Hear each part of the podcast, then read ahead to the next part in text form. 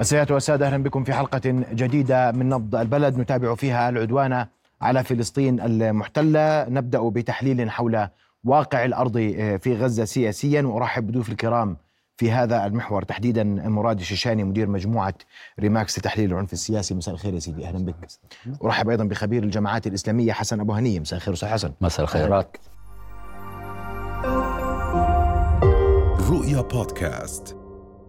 أستاذ مراد وبدي أبدأ معك من حيث الحال اليوم قراءتك للوضع اليوم في قطاع غزة كيف تسير الأمور مع اشتداد العمليات العسكرية مع تزايد لغة التصريحات ما بين الطرفين؟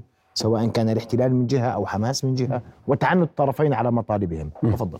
يعني آه، نحن نقف ازاء يعني مرحلة خطيرة وحساسة الآن فيما يتعلق بالحرب آه، في غزة على مستويات عدة على المستوى الأول على المستوى العسكري. نحن تحدثنا حتى منذ البداية منذ السابع من أكتوبر أن أي انتشار عسكري لقوات الاحتلال على الأرض في غزة سيكلف كثيرا بالمفهوم العسكري. وهذا انعكس بشكل واضح محمد في العمليات التي تطلع آه، يعني نشاهدها في آه، المنتجات الفيلمية لكتائب عز الدين القسام ونشهد في آه، أعداد المتزايدة التي تعترف بها إسرائيل. لكن على الجانب الآخر هناك سياسيا مجموعة من العوامل التي يجب أن تؤخذ بعين الاعتبار في ظل ما ينعكس من هذا. نحن نسمع الآن هذه أخبار من مصادر مطلعة تتحدث على أن هناك مفاوضات صعبة تجرى الآن نحو بغية التوصل إلى اتفاق هدنة جزئي آخر. يقوم على مجموعة وأنا على شاشتكم الآن. أتحدث عما سمعت. هناك حديث عن آه، اتفاق جزئي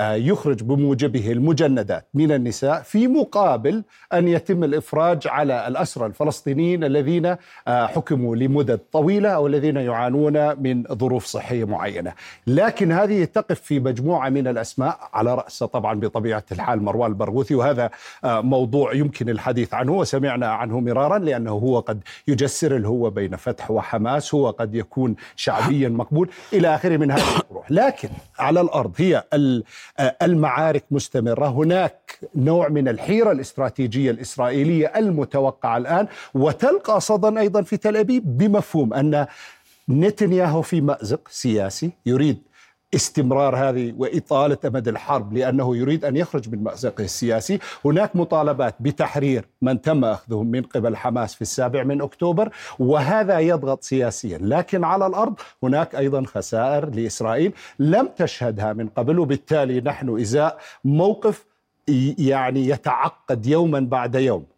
الكلفة الأعلى هي الكلفة البشرية التي يدفعها المدنيون ومن الواضح المشاعر التي آه، يشاهدها الكل على الشاشات اليوم. هي كم هي مؤثرة وكم هي صعبة وهذا تزيد الكلفة بطبيعة الحال. إذا لدينا مشهد متشابك معقد لكن يشي بأن هناك يعني يدفع للحديث على الموقف الأعم. نحن نتحدث عن الموقف الأمريكي الآن.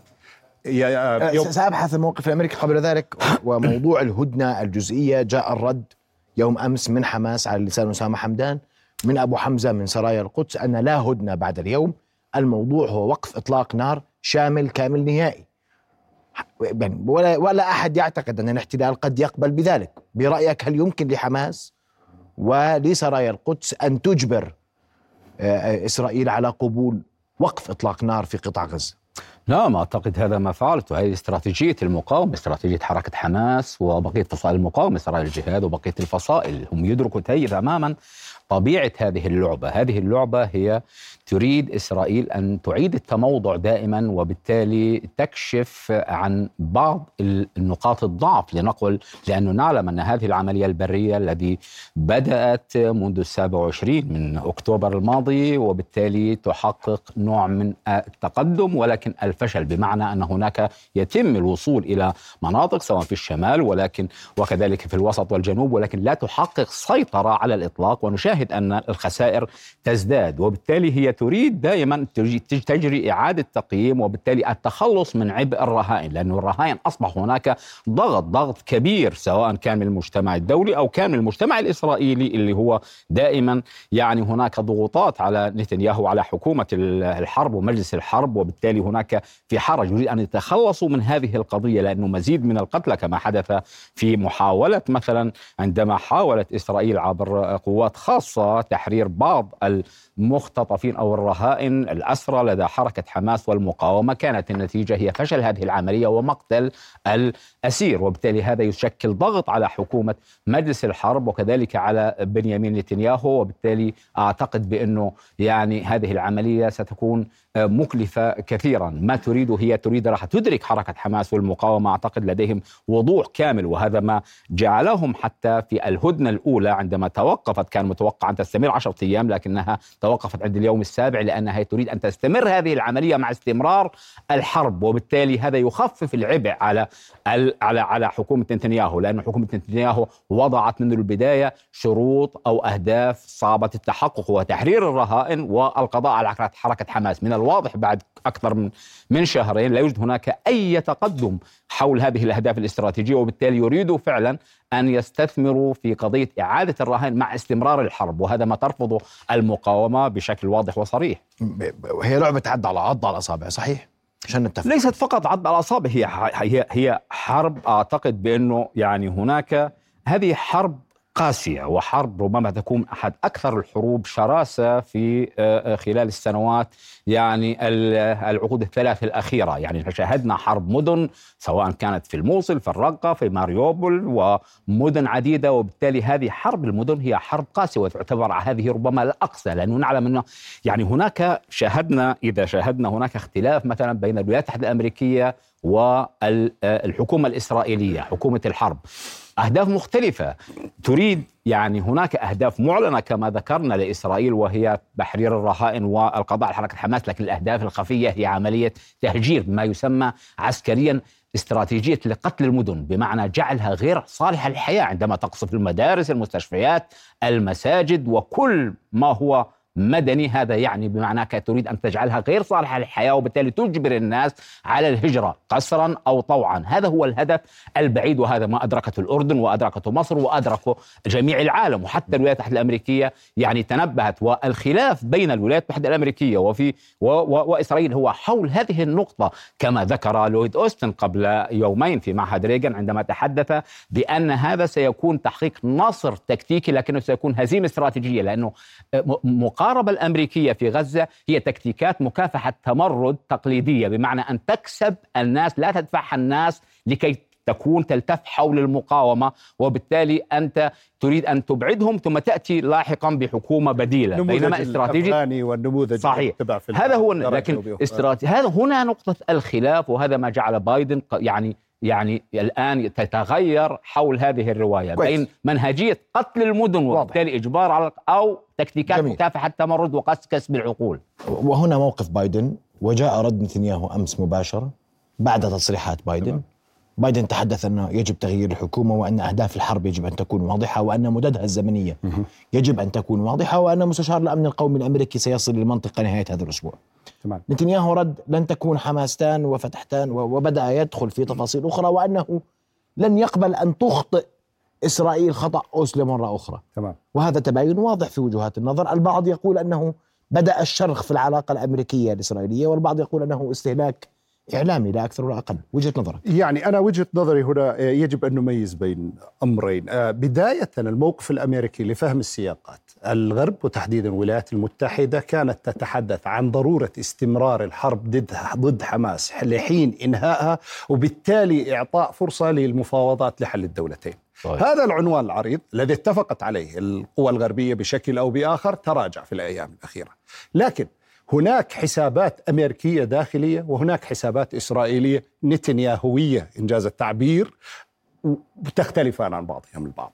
في الولايات المتحدة الأمريكية عاملان أساسيان لعبا دورا في قضية هذا تغير الموقف. الأول هو حال الانقسام داخل الحزب الديمقراطي الأمريكي. أنا شخصيا يعني غطيت أربع انتخابات أمريكية والانتخابات الأخيرة كانت مفارقة حتى أني رافقت حملة بيرني ساندرز رغم موقفه الآن المنتقد من داخل اليسار لكني لأول مرة وجدت هناك شبان كانوا يتطوعون في فلسطين وجدت شبان أمريكان يعرفون بالقضية وكان كان لديهم موقف واضح من قضية حل الدولتين ووجود دولة فلسطينية وهذا كان تحول أساسي. هذا انعكس في يعني فيما يمكن أن يوصف بشكل أو بموقف الحزب الديمقراطي. هذا أحد تحدي التحدي الآخر هناك مظاهرات. يعني في السياق الأوروبي نحن نعرف قضية دعم فلسطين أو حتى تحالف المناهض للحرب هذا كان تاريخيا موجود على الأرض في السياق الأوروبي. في أمريكا كان ضعيفا إنجاز التعبير. في المرأة الأخير نجد هذه التظاهرات. وهناك تحدي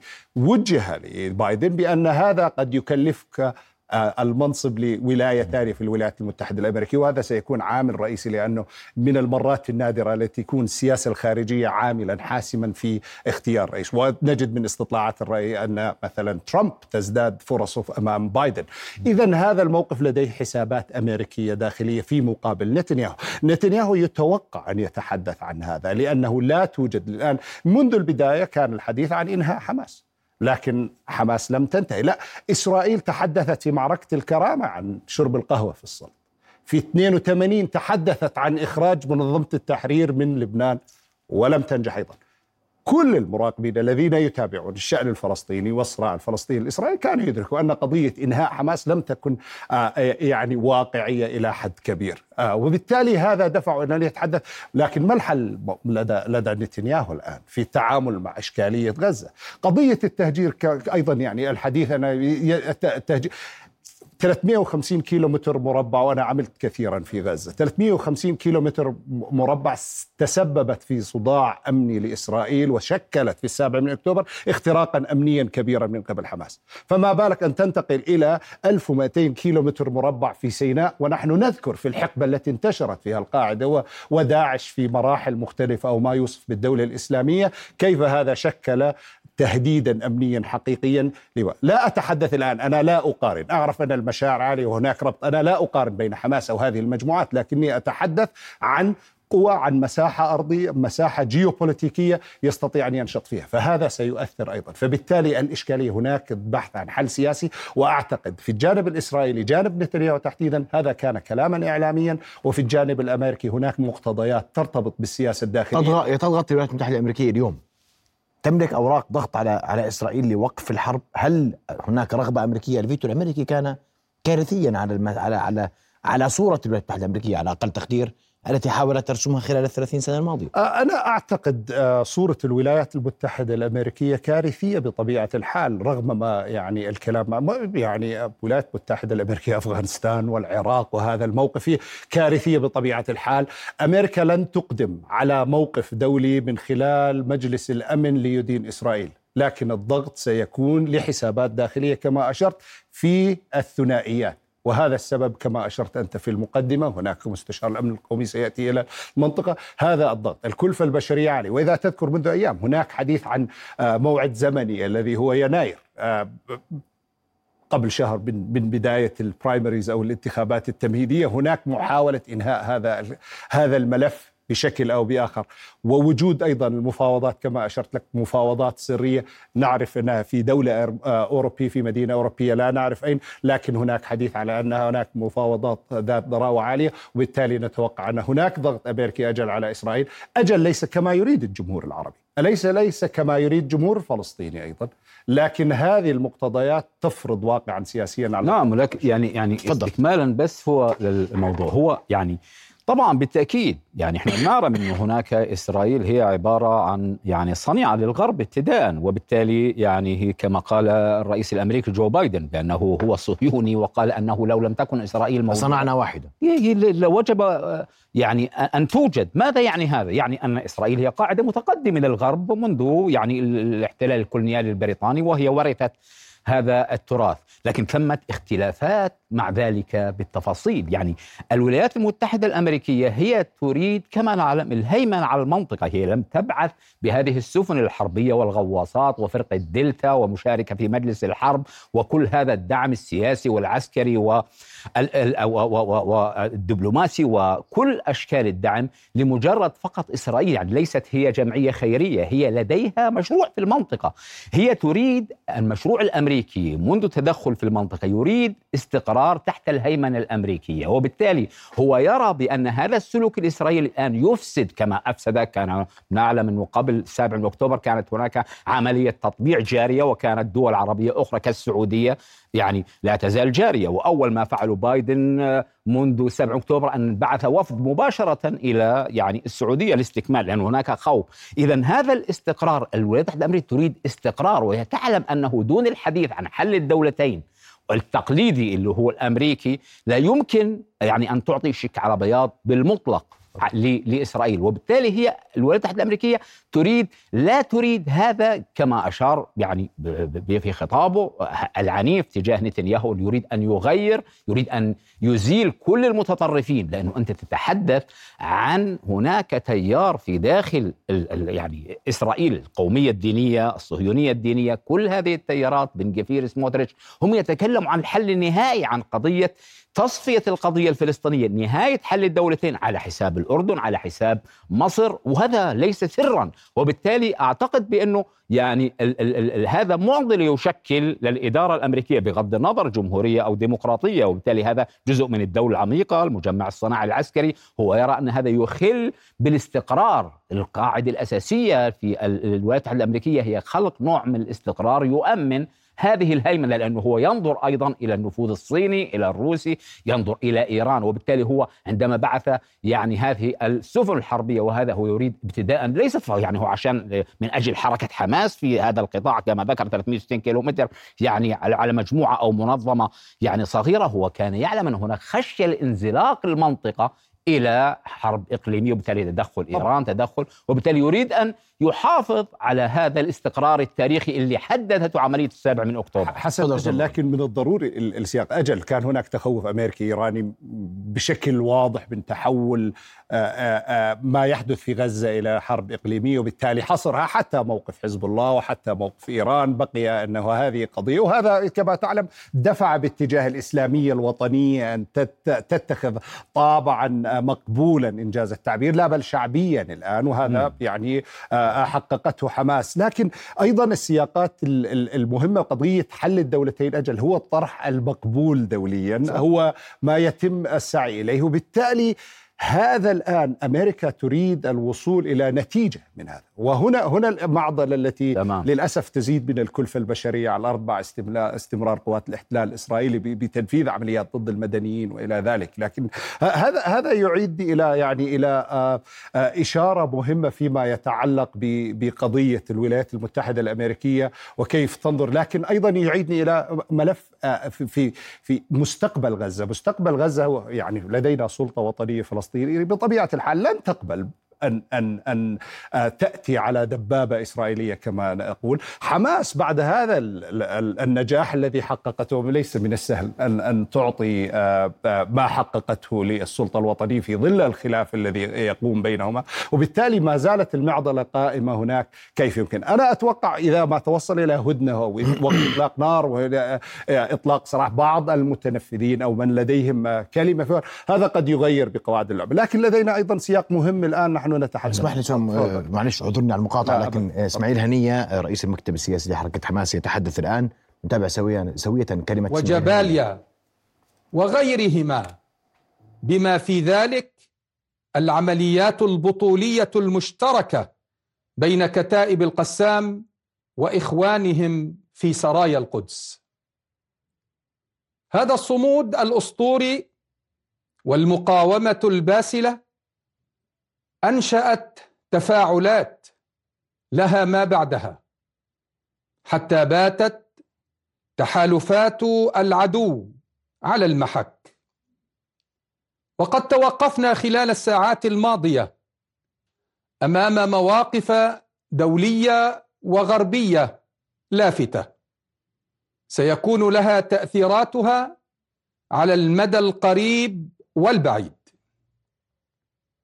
إن كل روح أزهقت لطفل أو طفلة رجلا أو امرأة كبارا أو صغارا. وكل دمعة نزلت من عين أم أو أب أو طفل هي دموع غالية. وكل بيت هدم وكل أمل أو حلم دمرته الهجمات الصهيونية الهمجية. وكل معاناة من جوع وعطش ونقص في الأموال والأنفس والثمرات ستبقى محفورة في ذاكرتنا.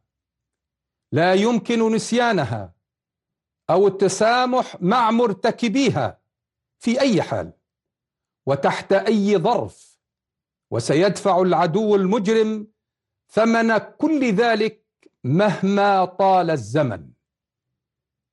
وإنني أقبل رأس كل فرد من أفراد شعبنا وخاصة عوائل الشهداء وجرحان الميامين وسنبقى الأوفياء إلى أهلنا ولجميع أبناء شعبنا من الأيتام والثكالى وأهالي الشهداء الأبرار.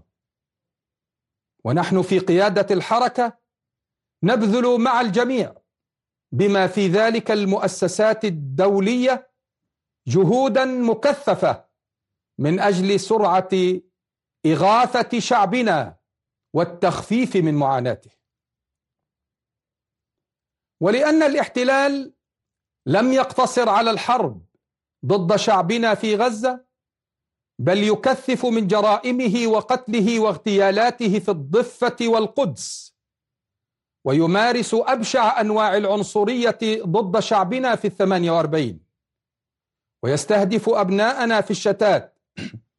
فإن ذلك لا يؤكد أن الشعب الفلسطيني في كل أماكن تواجده كان ولا زال هدفا مباشرا للاحتلال وإرهابه وعدوانه. وانطلاقا من كل ذلك فإننا ندعو شعوب أمتنا العربية والإسلامية لتوسيع مساحة فعلها بما يتناسب مع حجم هذا العدوان وحجم هذه التضحيات. حتى لا يسجل التاريخ أن أمة يزيد عددها على المليار ونصف المليار. لم تبذل كل ما في وسعها لتنجد جزءا عزيزا من أبنائها. نهض مجاهدا من أجل تحرير أرضه ودفاعا عن مقدسات الأمة وكرامتها. مع تقديرنا لكل ما سبق من الجهود والفعاليات. وهنا نتوقف بكل احترام وتقدير أمام الحراك الشعبي الدولي نصرة لفلسطين وشعبها. في مختلف مدن وعواصم العالم. على مستوى الجماهير أو النخب السياسية والفكرية والإعلامية. وكذلك لكل الذين يساندون المعركة بطريقتهم الخاصة من خارج فلسطين. كما وأود الإشادة بموقف الدول الأعضاء في لجنة المتابعة السباعية المنبثقة عن القمة العربية الإسلامية الاستثنائية برئاسة المملكة العربية السعودية على جهدهم السياسي والدبلوماسي من أجل وقف العدوان ومساندة شعبنا. كما ونعبر عن تقديرنا لمواقف الأمين العام للأمم المتحدة أنطونيو غوتيريش وخاصة رسالته لمجلس الأمن حول الأوضاع في الأراضي الفلسطينية. باعتبارها تشكل تهديدا للأمن والسلم الدوليين. وذلك تفعيلا للمادة 99 من النظام الأساسي لميثاق الأمم المتحدة. وقدم بناء عليه مشروع قرار لوقف إطلاق النار. غير أنه اصطدم مثل سابقيه بالفيتو الأمريكي. كما أننا نرحب بالقرار الذي صدر عن الجمعية العامة للأمم المتحدة أمس والذي ينص على وقف إطلاق النار بأغلبية ساحقة. نحن على يقين أن العدوان الغاشم سوف ينتهي وستبقى المقاومة حارسا امينا على حقوق شعبنا وتطلعاته المشروعة. وفي الوقت ذاته نؤكد أننا منفتحون على نقاش أية أفكار أو مبادرات يمكن أن تفضي إلى وقف العدوان وتفتح الباب على ترتيب البيت الفلسطيني على مستوى الضفة والقطاع. وكافة مرجعياته الوطنية وصولا إلى المسار السياسي الذي يؤمن حق الشعب الفلسطيني في دولته المستقلة وعاصمتها القدس. وأقول إن أي رهان على ترتيبات في غزة أو في القضية الفلسطينية عامة دون حماس وفصائل المقاومة هي وهم وسراب. هي وهم وسراب. هي وهم وسراب. وإنني من موقع المسؤولية التاريخية أدعو الدول العربية والإسلامية إلى التحرك في موقف حازم لإسناد شعبنا في معركته. واستخدام كل الأوراق والخيارات لوقف هذا العدوان الذي يهدف فيما يهدف إلى خلخلة الأمن القومي العربي والاستقرار في كل المنطقة. وأخيراً أؤكد للجميع أننا صامدون ومقاومتنا مقتدرة وشعبنا ثابت مجاهد. ونحن على ثقة أن الاحتلال إلى زوال بإذن الله. وأقول لأهلنا في غزة الذين يعيشون تحت القصف وفي الخيام وأماكن النزوح والذين تزدحم بهم البيوت ويشيعون الشهداء ويضمدون الجرحى ويعيشون بين الألم والأمل.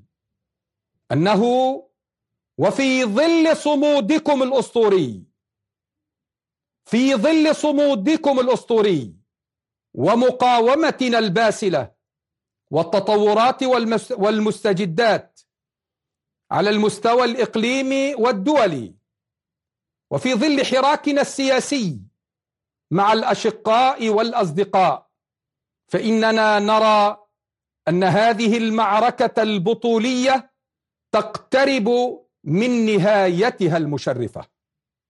وصدق الله القائل ولو قاتلكم الذين كفروا لولوا الأدبار ثم لا يجدون وليا ولا نصيرا. سنة الله التي قد خلت من قبل ولن تجد لسنة الله تبديلا. صدق الله العظيم. والسلام عليكم ورحمة الله وبركاته. تابعنا وإياكم. إذا تابعنا كلمة مدير المكتب السياسي أو رئيس المكتب السياسي حركة حماس معين هنية وأسمع تعقيبك على ما سمعت من هنية الذي أرسل أكثر رسائل في أكثر من من جانب وجهة.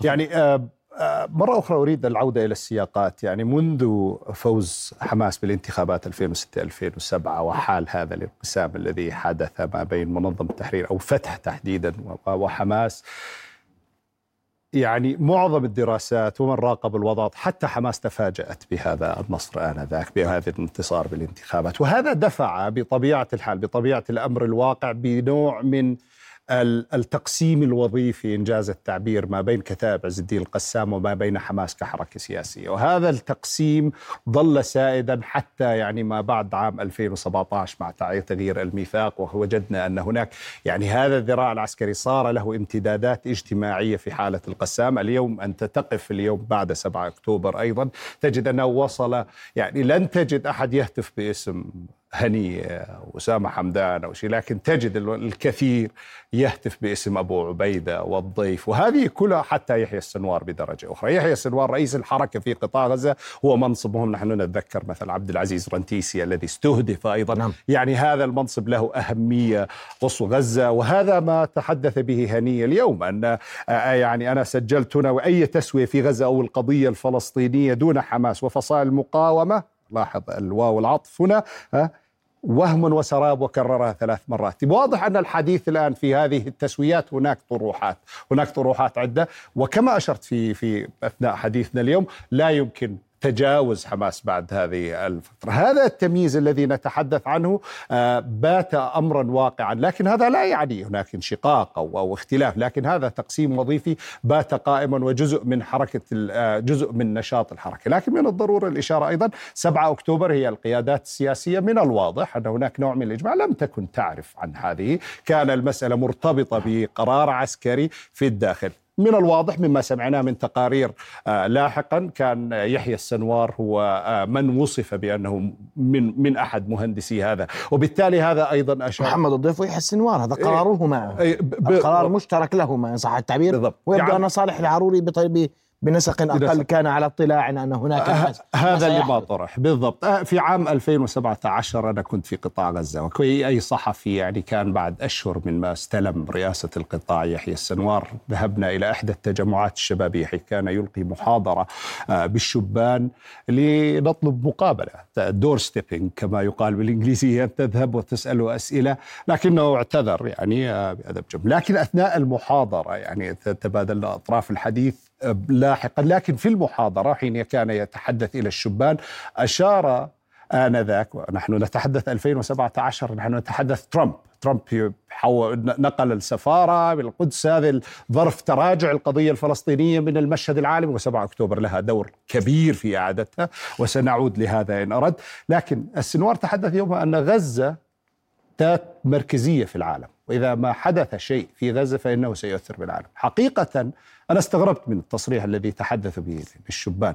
لكن اليوم هذا أمر واقع. نحن الآن نشهد عودة كبيرة للصراع العربي الصراع الفلسطيني الإسرائيلي إلى واجهة الأحداث يؤثر في العالم كله. كما أشرت لك هناك إمكانية أن يؤثر حتى في انتخابات أمريكية. هناك حالة تعاطف. وبالتالي السنوار يتحدث هنا إذا سمحت لي يعني آه، قضية هذا يقودني إلى إلى تصريحات هو في في رواية الشوك والقرنفل الآن انتشرت في كل الإنترنت. يتحدث عن شخصية الشيخ أحمد وأظن قد يكون يشير إليها إلى الشيخ أحمد ياسين بشكل أو بآخر أنه تحدث بدمج الوطنية والإسلامية في حال كان الواقع الفلسطيني يفترق بينهما. يعني هذا الطرح الذي تقدمه حماس هو نابع من هذه البنية لكن هذا يعود إلى كتائب القسام وأنا برأيي وليس المكتب السياسي، أنا لا أفصل بينهما بشكل انشغال لكن أفصل بشكل آه، وظيفي وهذا ما وميداني. أسمع وجهة نظرك أستاذ حسن. لا هو خطاب هنيه اليوم يتحدث عن التسويات وأنهم هناك يريدون تسويات وفق أطر محددة حماس جزء منها وفصائل المقاومه جزء منها. بالتأكيد. هو أشار صديقي آه، مراد لقضية هامة. هي الحقيقة 2017 كان عام مفصلي. عام مفصلي لماذا؟ 2017 على صعيد كان هناك بعد ما يسمى الانقلاب على ثورات الربيع العربي مجيء ترامب الحديث عن صفقة القرن أعلن عنها بداية 2017 وكان هناك توجه بأنه إعادة تأهيل حركة حماس ودمجها في العملية وبالتالي بتدخل قطر تركيا إلى محاولة يعني وأخرجت وثيقتها السياسية في يونيو حزيران 2017 اللي هي لأول مرة بتقبل دولة تقريبا على حدود الرابع من يونيو حزيران 1967 وهذا تطور كان كبير وبالتالي تحول. تحول كبير وذهبت كثير من المفردات اللي كانت تتكلم عن اليهود عن القضايا عديدة وجاءت بمعجم يعني يدمج بين الإسلامية سياسي. والوطنية. وثيقة سياسية. هذا مختلف عن الميثاق. لكن ماذا حدث؟ أن هناك في المنطقة هناك يعني مع كل هذا عملية إعادة تأهيل ودمج الحركة على مسار حركة فتح. أدت إلى نتائج عكسية وبالتالي مباشرة شاهدنا ابتداء 2017 ذهب ترامب إلى مايو أيار إلى الرياض وقال حماس حركة إرهابية أمام تجمع عربي إسلامي. ثم بعد تم حصار قطر وبعد ذلك يعني أصبحت القدس عاصمة أبدية لإسرائيل. ترامب ضم الجولان وأصبحت القضية كأنه عملية تصفية بالكامل للقضية الفلسطينية عبر بداية اتفاقات ما يسمى اتفاقات يعني السلام الإبراهيمية. هذا مباشرة في أكتوبر كان هناك الانتخابات لحماس. أزاحت كل هذا الذي دافع لسنوات عن قضية المسار السياسي والإدماج وقضية المصالحة و2017 صارت أيضا اقتربت كانت محاصرة من وتحسنت العلاقات مع مصر في ذلك الوقت. فعام 2017 كان محوري هذا عندما حدثت الانتخابات قال لهم الجناح العسكري السنوار الضيف مروان عيسى بقيت إنه هذا المسار للأسف أدى إلى تراجع. يعني في ذلك الوقت عندما عقدت يعني استطلاعات رأي في غزة حركة حماس لم تحصل أكثر من 27% صح. قالوا لها أنت ليست حركة يعني إدارة وليست مقاومة. يعني يعني بالتالي الناس انفضت. هذا أدى إلى تحول في المشهد في داخل حركة حماس مباشرة جاءوا وبدأوا التصعيد. 2018 مسيرات العودة بدأوا يحضروا وبدأت الأمور يعني مسار اتفاقات السلام الإبراهيمي وبالتالي أصبحت كأن القضية الحديث عن قضية فلسطينيه كما نعلم لم تعد قضية عدالة سياسية تحسين ورفاه اقتصادي تحسين بعض الأمور وأصبحت وكأن الأمر سيبقى إلى الأبد. هذا الحقيقة هو التحول الذي حدث في ذلك الوقت. وكانت يعني إسرائيل تبنت أنه حماس لن تفعل شيء التقارير الاستخبارية وعملية يعتمدوا على استراتيجية عسكرية جز العشب يعني كلما يعني طورت من قدراتها فأنا أنفذ حملة عسكرية جوية والأمور يعني تنتهي تعود لنقطة الصفر. تمام. يعني هذا تبقيها في هذا الإطار؟ ما حدث في السابع اكتوبر وبالتالي اتخذوا قرار قرار قد يبدو في الظاهر انتحاري يعني غير معقول لكن هو الحقيقة فعلا أشبه بالعمل الانتحاري. وحتى الذين ذهبوا كان زي عملية انغماسية قد لا يعودوا. يعني لم يكونوا يتوقعوا بهذه السهولة وأن هذا يعني الجيش الإسرائيلي بهذه الهشاشة وبهذا الضعف. وبالتالي حدث ما حدث. الآن أعتقد أنه يعني حركة حماس أثبتت بأنه فعلا حركة لا يمكن تجاوزها على الإطلاق. وبالتالي إذا كنا نتحدث قبل السابع أكتوبر عن شعبية متدنية فالآن شعبية حركة حماس ليس في غزة في الضفة في العالم في العالم العربي. أنت الناس تردد شعار بأنه كلنا حماس. كل أصبح أبو عبيدة هو الرجل آه يعني المثال يعني. الناس تتبعه فبالتالي أصبح تغير وبالتالي الآن نحن نتحدث الآن هي المعضلة المعضلة الكبيرة أنه يعني هذا الغرور والغطرسة الإسرائيلية والأمريكي اللي كانوا يقولوا بأنه وهذا كان معتقد كثير حتى من أنظمة في المنطقة أنه قد يعني شهر وتنتهي حركة حماس وبالتالي يجري الحديث عن يعني مستقبل ما بعد ما بعد, ما بعد حماس, في غزه من أول يوم كانوا يتحدثوا انه قضيه عودة الرهائن والقضاء على حماس ثم بعد ذلك انشاء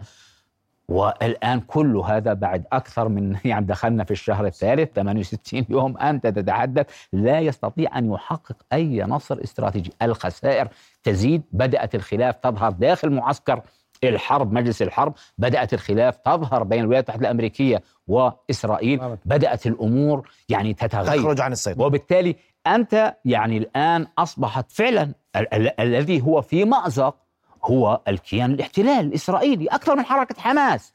يعني مأزق لا يستطيع نتنياهو ولماذا؟ لا يريد أن يعني أن يستجيب لمطلب بايدن وحل الدولتين وبيقول لا يريد أن عمل لا فتحستان ولا حماسستان لأنه يدرك انه شركائه سموتريتش وبن غفير الصهيونية الدينية.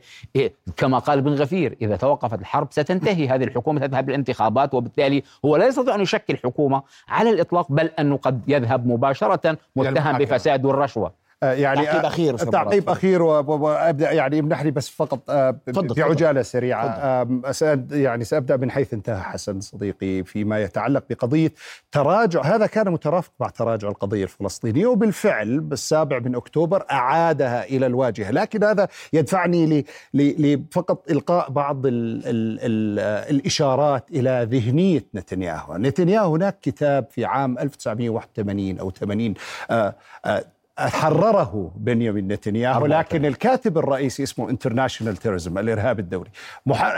الباحث الرئيسي فيه هو والده نيثن نتنياهو. في يتحدث عن فصل يتحدث عن السبعة خطايا المميتة للإرهاب. هو يتحدث أن الإرهاب وأنا اقتبس هنا هو يتحدث أن الإرهاب بحد ذاته لا يمكن وصفه بأي شكل من الأشكال كالعنف الاجتماعي أو حتى العنف في الملاعب أو أي عنف آخر لأنه بحد ذاته غير مرتبط بظروف اجتماعية وسياسية. وهنا وحسن يعرف كنا نتابع حتى من بعد آه، آه، هجمات التاسع عشر آه، الحادي عشر من سبتمبر. هذا كان المقتل بمحاولة إفهام العالم والعالم الغربي تحديدا أن هذه ظواهر مترابطة. الأمر الثاني هو يتحدث من ضمن السبعه نقاط هو عدم رغبه رغبه آه، ما يصفهم بالإرهابيين الذهاب إلى السياسة. هذه الذهنية التي كان نتنياهو يحملها دفعته خلال العشر سنوات حتى آه، كنا نتابع خطاباته في الأونغا في نيويورك كان يتحدث عن إيران. وله الآن مقتطفات فيديو يتحدث العدو وإيران إيران. لم يكن يشير إلى الفلسطينيين بأي شكل رغم أن هذه هي صلب الحكاية هذه صلب. هذه الذهنية اليوم يعني لعبت دورا في تراجع القضية وبالتالي الآن فلتت بهذا الشكل، انفجرت بهذا الشكل لأنه لم يقدم حلا شاملا لهذه المعضلة المستمرة لعقود. نرقب قادم الأيام ما سيكون نهاية هذا الأسبوع من زيارة أمريكية قد تحمل جديدا على أقل تقدير من تحديد مدد زمنية لهذه لهذا العدوان على قطاع غزة والضغط على إسرائيل لقبول التوصل لاتفاق إن صح التعبير يجمع جميع الأطراف. أشكركم كل الشكر ضيوف الكرام شرفتوني بحضوركم. شكرا جزيلا لكما. رؤيا بودكاست